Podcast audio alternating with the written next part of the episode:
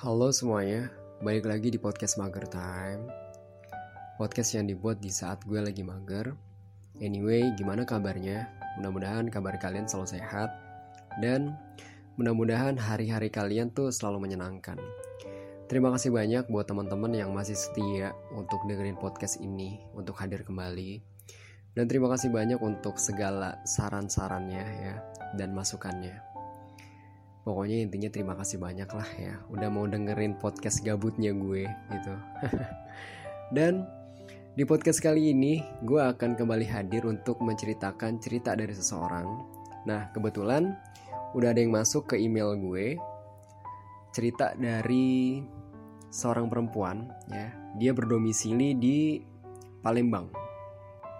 Bisa dibilang dia adalah perempuan yang masih muda banget ya ya bisa dibilang kaula muda lah ya. Nah, pastinya udah pada tahu kali ya. Ini akan menceritakan tentang kisah-kisah asmara, tentang percintaan pastinya. Kenapa ya? Banyak banget gitu yang masuk ceritanya gitu tentang cinta, tentang cinta gitu. Ya, wajar sih ya yang namanya kaula muda gitu identik dengan percintaan dan asmara sih. Oke langsung aja kita masuk ke ceritanya. Jadi seperti ini. Jadi cerita ini datang dari seorang perempuan ya berinisial N. Dia berdomisili Palembang. Jadi gini bang, gue pernah suka sama temen satu kelas. Sebut aja namanya Joko. Nah, sukanya itu dari pas awal masuk gitu kan. Nah, tapi gue belum berani cerita ke teman-teman alias mencintai diem-diem gitu aka kayak secret admirer gitulah gitu kan dan itu benar-benar berlangsung lama sampai akhirnya si Joko itu kayak so asik gitu loh bang. Ngebalas-balasin story IG gue gitu. Dan ya udah gue balas dengan senang hati dong. But finally ada cewek di kelas yang tiba-tiba suka juga sama si Joko. Dan kami sering nongkrong bareng sama si cewek itu sampai akhirnya dia berani speak up kalau dia suka sama si Joko. Oke lambat laun gue mundur karena ya kayak ngerasa buat speak up aja gue nggak berani jadi gimana dia bisa tahu gitu kan? Tapi sering berjalannya waktu dia sering lagi gitu ngebahas balesin story gue yang so asik tadi. Terus akhirnya kita lanjut di chat.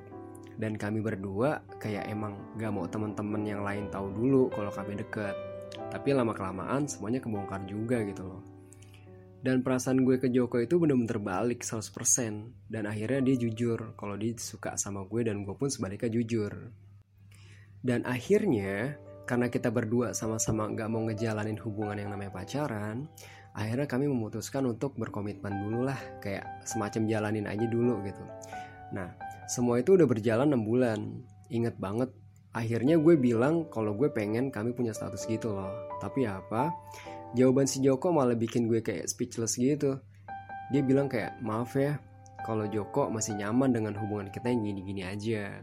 Nah sebagai cewek gue sakit banget tapi ya mungkin emang gini ya jalannya 6 bulan itu bukan waktu yang singkat buat nahanin hubungan tanpa status kadang kayak berasa kayak pacar kadang juga berasa kayak teman gitu kan Bang, tahu gak sih rasanya kalau orang yang kita suka itu ternyata suka kita juga? Itu berasa kayak dunia itu berpihak ke kita banget. Dan gue udah kenal nih sama orang tuanya Joko dan si Joko pun udah kenal juga nih sama orang tuanya gue gue bener-bener udah dikasih lampu hijau sama orang tua gue untuk jalanin hubungan sama si Joko. Dan gue kayak udah percaya banget nih kayak Joko tuh baik banget orangnya gitu. Dan kayak nggak akan selingkuh lah pokoknya nggak macem-macem lah gitu. Intinya gue kayak udah udah ngasih kepercayaan gue 100% lah ke dia. Nah tapi apa? Pas kami kelas meeting terus si cowok-cowok kan kayak pada main bola gitu kan di luar termasuk si Joko nih Nah, biasanya kan HP-nya itu dititipin ke gue. Nah, kali ini malah dititipin ke temennya. Nah, terus temennya yang dititipin HP itu dia mau ke kantin. Ya kan? Nah, terus HP-nya itu dikasihlah ke gue. Nah, terus pas gue buka HP-nya dia dan ternyata dia selingkuh, Bang. Udah seminggu. Perhatian banget, ngingetin makan lah, inilah itulah bla bla bla gitu kan ya akhirnya mau marah pun ya gue kayak malu gitu. Soalnya kan posisinya gitu kayak masih di kelas. Ya udah gue nya juga diem aja lah gitu. Terus gue juga mencoba untuk nimbrung sama geng kayak biasanya gitu kan. Nah sampai akhirnya dia kayak ngajak ngobrol gitu katanya maaf lah inilah dan minta kesempatan gitu kan kayak minta kesempatan kedua. Dan bilang kayak nggak akan ngulangin lagi gitu. Nah karena gue sayang banget sama si Joko oke okay lah gue kasih kesempatan kedua. Dengan harapan dia nggak akan ngulangin kesalahan lagi. Si Joko pun kayak gimana ya kak ya? Dia tuh cowoknya tuh kayak tipe cowok yang emang humoris banget. Kalau chat video callan dia tuh kayak nggak pernah habis topik. Pokoknya bener-bener lancar deh. Pokoknya asik banget gitu kan? Nah sampai akhirnya di titik dia mulai cuek nggak peduli gitu kan tapi ya sebagai seseorang yang dibutakan karena cinta gitu gue kayak nganggep oh mungkin dia lagi nggak mood kali ya. Nah terus bang dia kayak ngedemin cewek-cewek gitu. Padahal IG-nya gue pegang tapi masalahnya si Joko ini posesif banget bang. Ya kali dia aja boleh ngedemin cewek-cewek di IG masa gue cuman main di kelas sama gengnya dia dianya marah. Padahal nggak berlebihan, cuma bercanda-bercanda layaknya sama teman-teman sekelas doang gitu loh. Ya udah, gue turutin nih. Tapi dia kayak nggak pernah berubah gitu kan, masih tetep aja diemin cewek-cewek. Sampai pada satu titik gue bilang kok bisa-bisanya ya dia marah kalau misalnya gue main sama teman-teman kelas gitu kan. Padahal dia sendiri suka diemin cewek-cewek gitu kan. Dan akhirnya dia malah marah balik gitu kan. Dan siapa yang minta maaf? Gue bang, dia yang salah tapi gue yang minta maaf gitu kan gue kayak ngerasa kok gue kayak berjuang sendirian ya dan kadang gue berpikir apakah gue orang yang ngebosenin? Gitu kan? Tapi gue tetap pertahanin. Dan kayak untuk berpikir pengen ngelepas itu kayak sering banget ada di pikiran gitu. Tapi kadang pikiran dan hati itu nggak pernah sejalan. Tapi sampai akhirnya pas dia bener-bener cuek gue selalu berasa berusaha untuk nyari topik dan dia kayak balasnya cuman oh ya udah oke okay, gitu kan pokoknya pas dibales kayak gitu gue kayak ngerasa sakit aja sih bang. Dan gue kayak dari situ bener-bener ngebuletin tekad gue gitu buat kayak ya udahlah kayaknya emang harus dilepas gitu. Sampai akhirnya tiba tanggal 16 Juni 2020 kami usai sebelum terikat. Oke okay, sedih juga ya. Tapi bang seharian gue tuh nangis di tanggal 16 itu gitu. Ya Allah sampai akhirnya di tanggal 17 nya besok gue mutusin buat balikan oh jadi pas tanggal 16 nya lo putus dan tanggal 17 nya itu lo langsung minta balikan. Oke. Okay. tapi apa? Jawabannya kayak unexpected banget gitu. Dia bilang gini maaf ya Joko lagi pengen sendiri. Nah terus gue langsung mikir kayak ya udahlah mau gimana lagi gitu. Gue juga kan gak mau maksa. Ya udah kayak mungkin udah jalannya kali ya.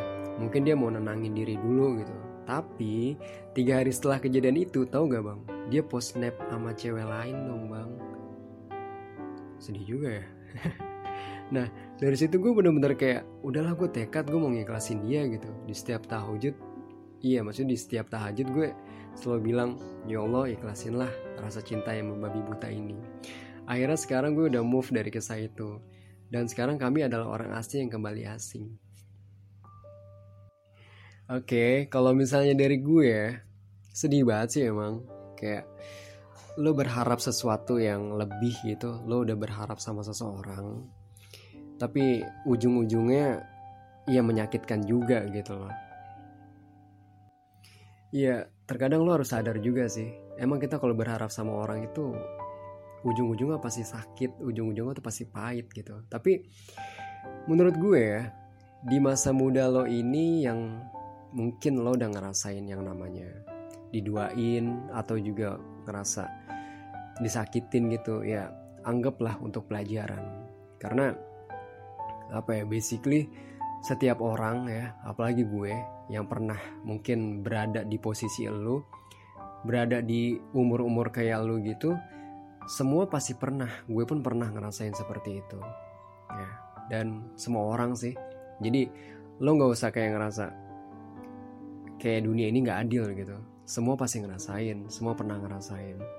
Intinya enjoy aja sih untuk nikmatin masa muda lo. Toh umur lo masih panjang ya. Lo masih punya masa depan yang cerah. Ya udah ikhlasin aja. Dan gue salut kalau misalnya lo udah bisa move on. Lo udah bisa mengikhlaskan orang yang orang yang gimana ya?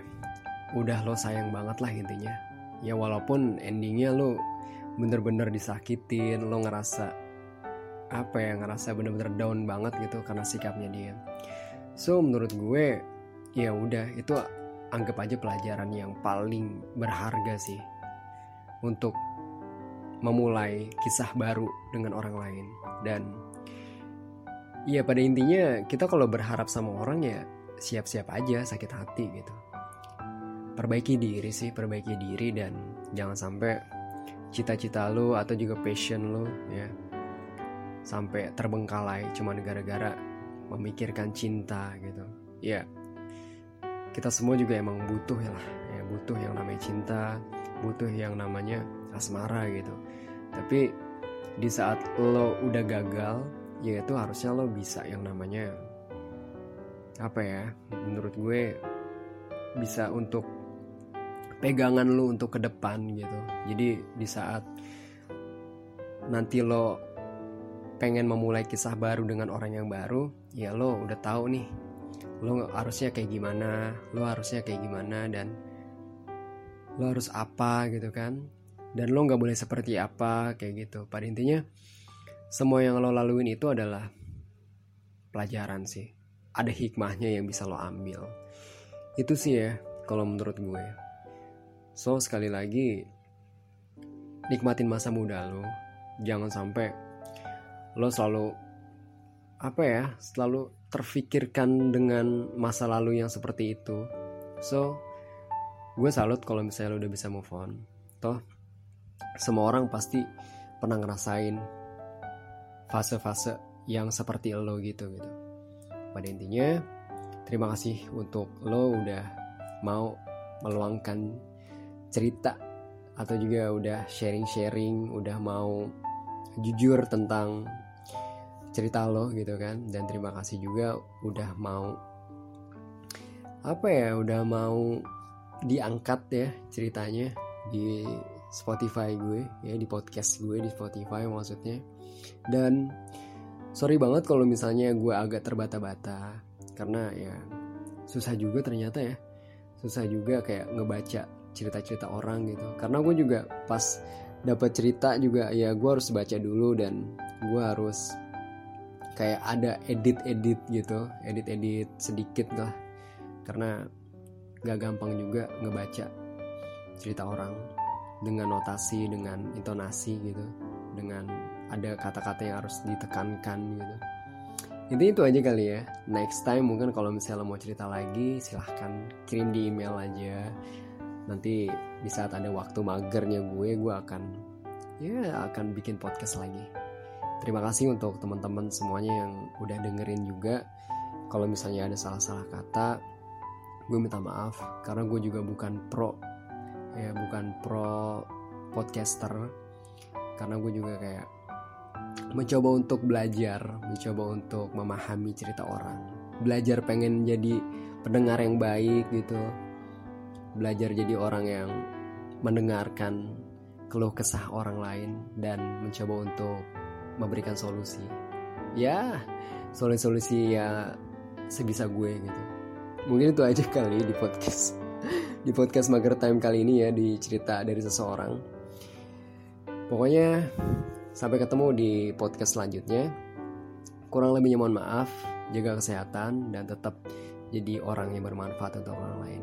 Dah, thank you.